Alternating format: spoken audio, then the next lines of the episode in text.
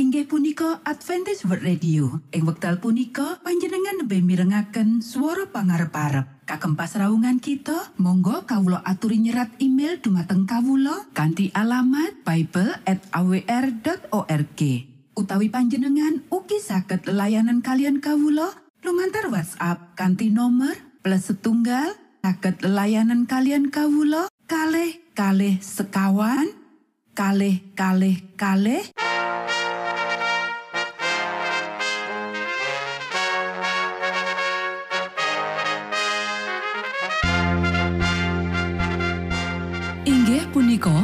Adventist World Radio ingkang giaran kanthi basa Jawi.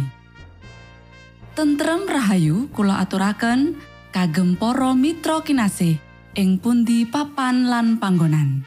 Sugeng pepanggian malih kalian Adventist World Radio. Kandi bingahing manah Kulo badi sesarengan kalian poro mitra kinasi. Lumantar saperangan adicara ingkang sampun rinonci. Mligi kagem panjenengan sami. Mugi giaran punika saged migunani tuen dados berkah kagem kita sedoyo. Sugeng midhangetaken Gusti amberkahi.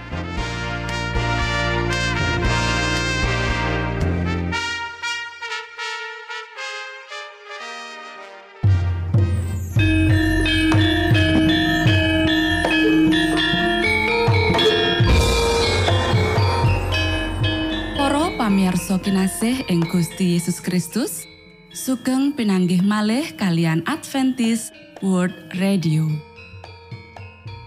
Ing wekdal punika, kita badi sesarengan ing adicara ruang kesehatan ingkang saestu migunani kagem panjenengan saha kita sami. Tips utawi pitedah ingkang dipun aturaken ing program punika tetales dawuhipun Gusti ingkang dipunnyatakaken ing kitab suci.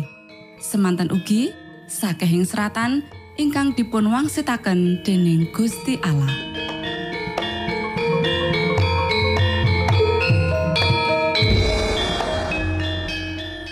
Nanging saderengipun monggo kita sami midhangetaken kidung pujian.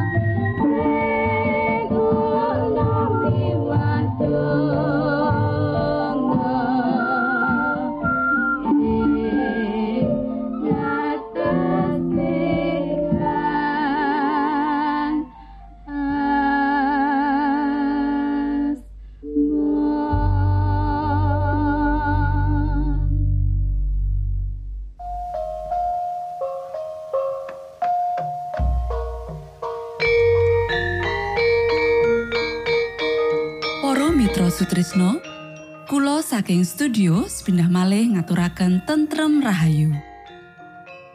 Puji syukur dumateng Gusti ingkang murbeng dumati ingkang sampun kepareng paring wewenngan kagem kita. Satemah saged nglajengaken ruang kesehatan.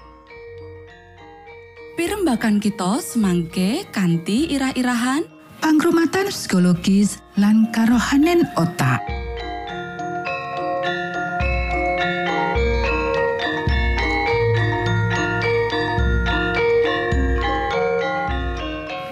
Dumateng para pamirsa kakung saha putri ingkang dahat kinurmatan. Sugeng pepanggihan malih kalian kula Isti Kurnaidi ing adicara ruang kesehatan. Ing dinten punika kanthi irah-irahan pangrumatan psikologis lan karohanen otak. Para sedherek ingkang kinasih, kasarasan kang komplit nyangkop kasarasan psikologis lan karohanen. Kanggo njaga kahanan otak tetep becik, mula fungsi intelektual, perasaan lan karohanen kudu diopeni. Saiki kita bakal nyinau kepiye carane supaya njaga kondisi otak tetep becik. Kapisan, singkiri stres. Ing panelitian nyangkut menungso, wis dituduhake menawa kadar kortisol kang dhuwur bisa ngrusak otak lan nyebabake merosote memori lan fungsi kognitif liyane.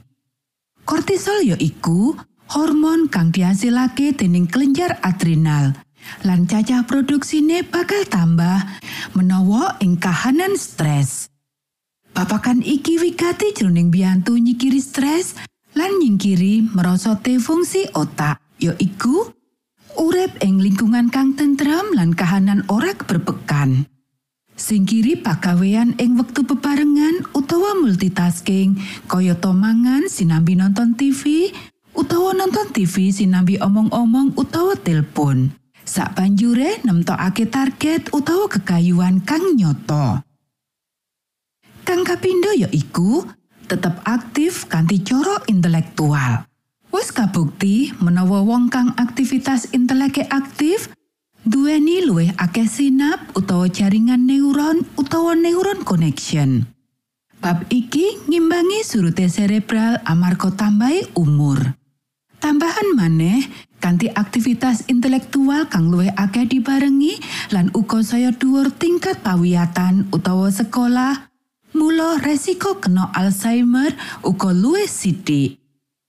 Kang katelu, kendale nono babab kang mlebu nang otak liwat indro. Para sedherek ingkang kinasih, otak kanthi cara terus datan ana kendate nampeni cacah gede informasi saka indro kita. Nanging kang luwih utama ya iku lumantar pandulu lan pamirengan. Kabeh informasi jroning wujud gambar lan swara kudu diproses kanggo bisane dingerteni ing otak.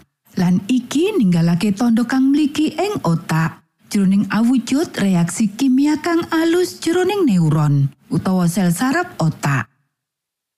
Ekspresi uwah mlebu, uwah metu kang digunakake jroning donya komputer ing ngendi menawa ana data mlebu kang ora pas, mula bakal diproses kanthi asil kang ora bener. Iki uga bisa diaplikasikake kanggo otak.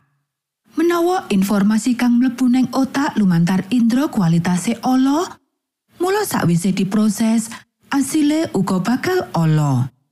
Wus diakoni menawa ndeleng gambar-gambar kang ora prayoga lan ngendorake moral, uga adegan panganiaya jalari dadine owah-owahan marang otak kan nyengkuyung dadine kelakuan agresif.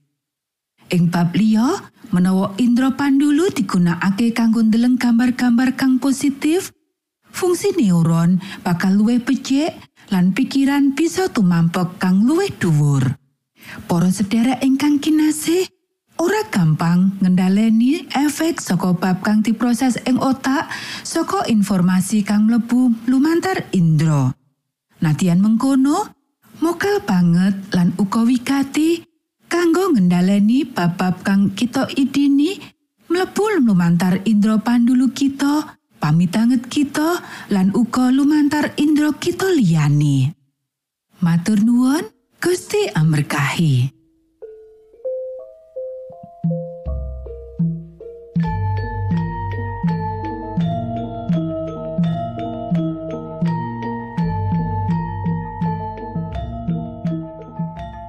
Cekap semanten pimbakan ruang kesehatan ing episode dinten punika.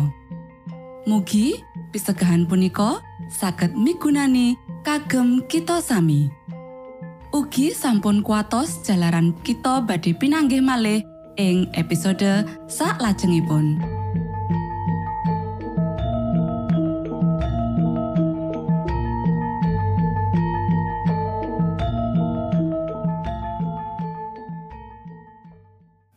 Punika adicara ruang kesehatan. Menawi panjenengan gadah pitakenan utawi ngersaakan katrangan ingkang langkung, monggo kulo aturi kinton email dateng alamat ejcawr gmail.com utawi lumantar WhatsApp kanti nomor 025 pitu 00 songo songo papat 00 pitu.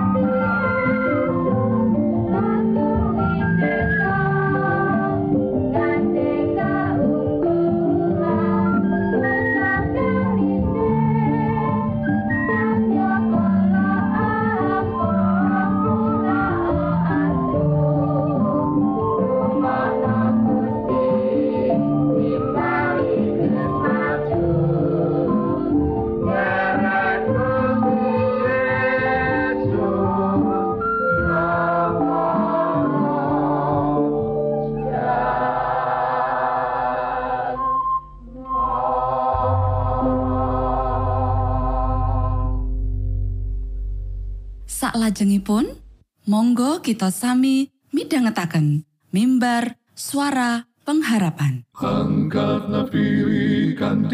Pawarto Sang Kristus paderamu. Pro umat samyo puji asmanyo Sang Kristus paderamu. Inggih punika mimbar suara pengharapan ing episode punika kanthi irah-irahan Selaras kalian Sabto. sugeng minangka tondo Sang Kristus paderamu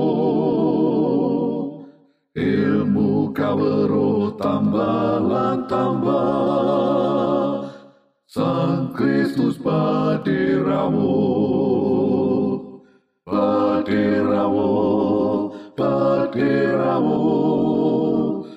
Sang Kristus paderamu Shalom. Para pamirsa ingkang kinasih wonten ing Gusti, sakmenika kita badhe mitangetaken renungan Sabto pangantikanipun Gusti. Ing dinten punika kanthi irah-irahan selaras kalian Sabto. Dawuh pangantikanipun Gusti wonten ing kitab Matius pasal gangsal welas ayat songo inggih punika tanpa kuno anggone padha ngabekti marang aku sebab pernatan-pernataning agama sing diwulangake kuwi satemene mung gaweane menungso. Para sedherek ingkang kinasih panjenengan panjenenganipun ingkang kastu pengin pirsa kaleresan boten perlu ajrih nitip preksa sabdanipun Gusti Allah. Anamung nalika murwani nitip preksa sabdanipun Gusti Allah Para pangupados kaleresan ketah nilaraken sedaya cupriya lan meper sedaya panimbang saderengipun lan mbikak talingan mirengaken swantenipun Gusti Allah saking utusan dutanipun. Pemanggih-pemanggih ingkang dipun remeni adat padatan lan pakulintenan ingkang panjenengan tindakaken kaasta kagem kadadar kalian Sabto suci. lan menawi oto sabtanipun Gusti Allah boten ngeparengaken pemanggih-pemanggih panjenengan pramila kagem jiwa panjenengan sampun kalawan Sabto suci kados dene kadah tiang lampahi kagem nglebur jiwa-jiwanipun amargi maringi paseksen ingkang nyataken kalepatan-kalepatanipun Mugia pitangletan panjenengan injih menika punapa to kaleresan menika? Sanes punapa ingkang ngantos sepriki kula pitados dados kaleresan? Sampun merdosaken Sabtu suci salebetipun pangertosan panjenengan saderengipun lan negesaken bilih sawetawis doktrin saking titah menungso ingkang onyo menika kaleresan. Mugia pitangletan panjenengan mekaten. Menapa ingkang kadhawuhaken Sabtu suci Para sedherek ingkang kinasih katetepno salebetipun penggalih panjenengan bilih pangertosan pangertosan panjenengan sakderengipun ketah kaewahi menawi boten selaras kalian doktrin-doktrin Sabtu suci. Panjenengan katimbalan kagem ngutamekaken pambutitoya pambutitoya tegun menapa menika kaleresan. Menika sampun ngantos kakale setunggalipun syarat sarana ingkang awrat. Amargi kita boten dipun timbali kagem makarya awrat pikantuk berkah-berkah katonyan sawetawis. Lan sampun ngajeng-ajeng manggihaken kasugihanipun kasuwargan kejawi kita purun duduk tambangipun kaleresan menika lan gladi sedaya kegiatanipun penggalih lan manah supados mangertos. Para sedherek ingkang kinasih ingkang waspada, menawi boten panjenengan mau sabtanipun Gusti Allah salebetipun pepadang pangandaran palsu. Amargi mekaten menika tiang-tiang Yahudi damel kalepatan agengipun. Panjenengan-panjenenganipun ngaturaken bilih boten pareng wonten pangandaran kitab suci ingkang penten kalian pangandaran ingkang sampun diparingaken kalian para nabi ing warsa-warsa saderengipun lan sawetawis panjenengan-panjenenganipun ngatahaken padatan lan jarwa dosok lan kabuntel dening kasucen. Sabtanipun Gusti Allah dados kirang pengaruhipun lumantar peradatanipun. Lan menawi Gusti Yesus Kristus, sabtanipun Gusti Allah menika sampun rawuh wonten jagat. Titah manungsa temtunipun kejalan sedaya pangertosan perkawis Gusti Allah ingkang estu. Para sedherek ingkang kinasih, menika rancangan jlimetipun iblis kagem mlawuraken sabda suci lan nuntun kita mangun wewangunan sabtanipun Gusti ingkang klentu. Sedaya seratan perkawis kapitadosan, sedaya doktrin, lan wiyosipun kapitadosan kados pundi kemawon sak tangunipun ngantos sak menika kakalih suci kedah dipun tolak menawi nyingkur kalian pangantikan prasaja sabtanipun Gusti Allah. Monggo kita sami ndedonga. Duh Rama kawula ingkang wonten ing swarga, asma patuko mugi kasucikaken. Kraton patuko mugi rawuh. Karso patuko mugi kalampahan wonten ing bumi kados dene wonten ing swarga. Kawula mugi kaparingan rejeki kawula sak cekapipun ing dinten punika. Saha patuko mugi ngapunten kalepatan kawula kados dene kawula inggih ngapunteni tetiang ingkang kalepatan dhateng kawula. Punapa dene kawula mugi sampun ngantos katandukaken dhateng ing panggoda nanging mugi sami patuko uwalaken saking piawon. Awit dene patuko ingkang kagungan kraton saha wisesa tuwin kamulyan salami napinipun. Amin.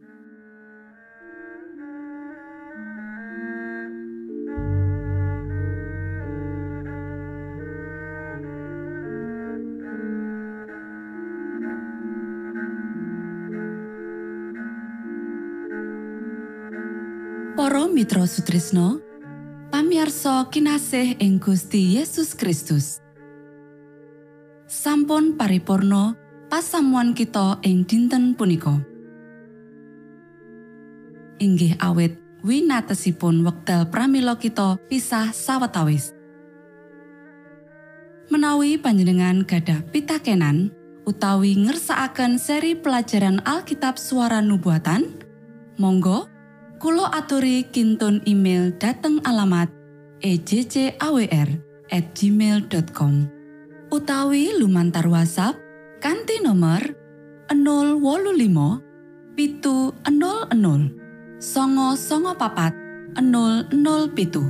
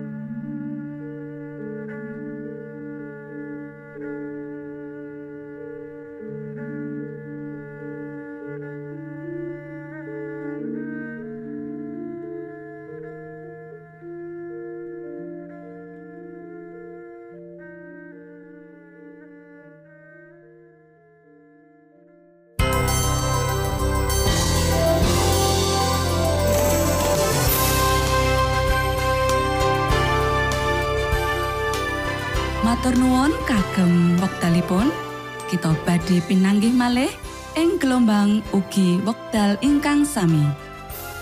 Saking studio kula ngaturaken tentrem rahayu. Gusti amberkahi kita sedoyo Maranata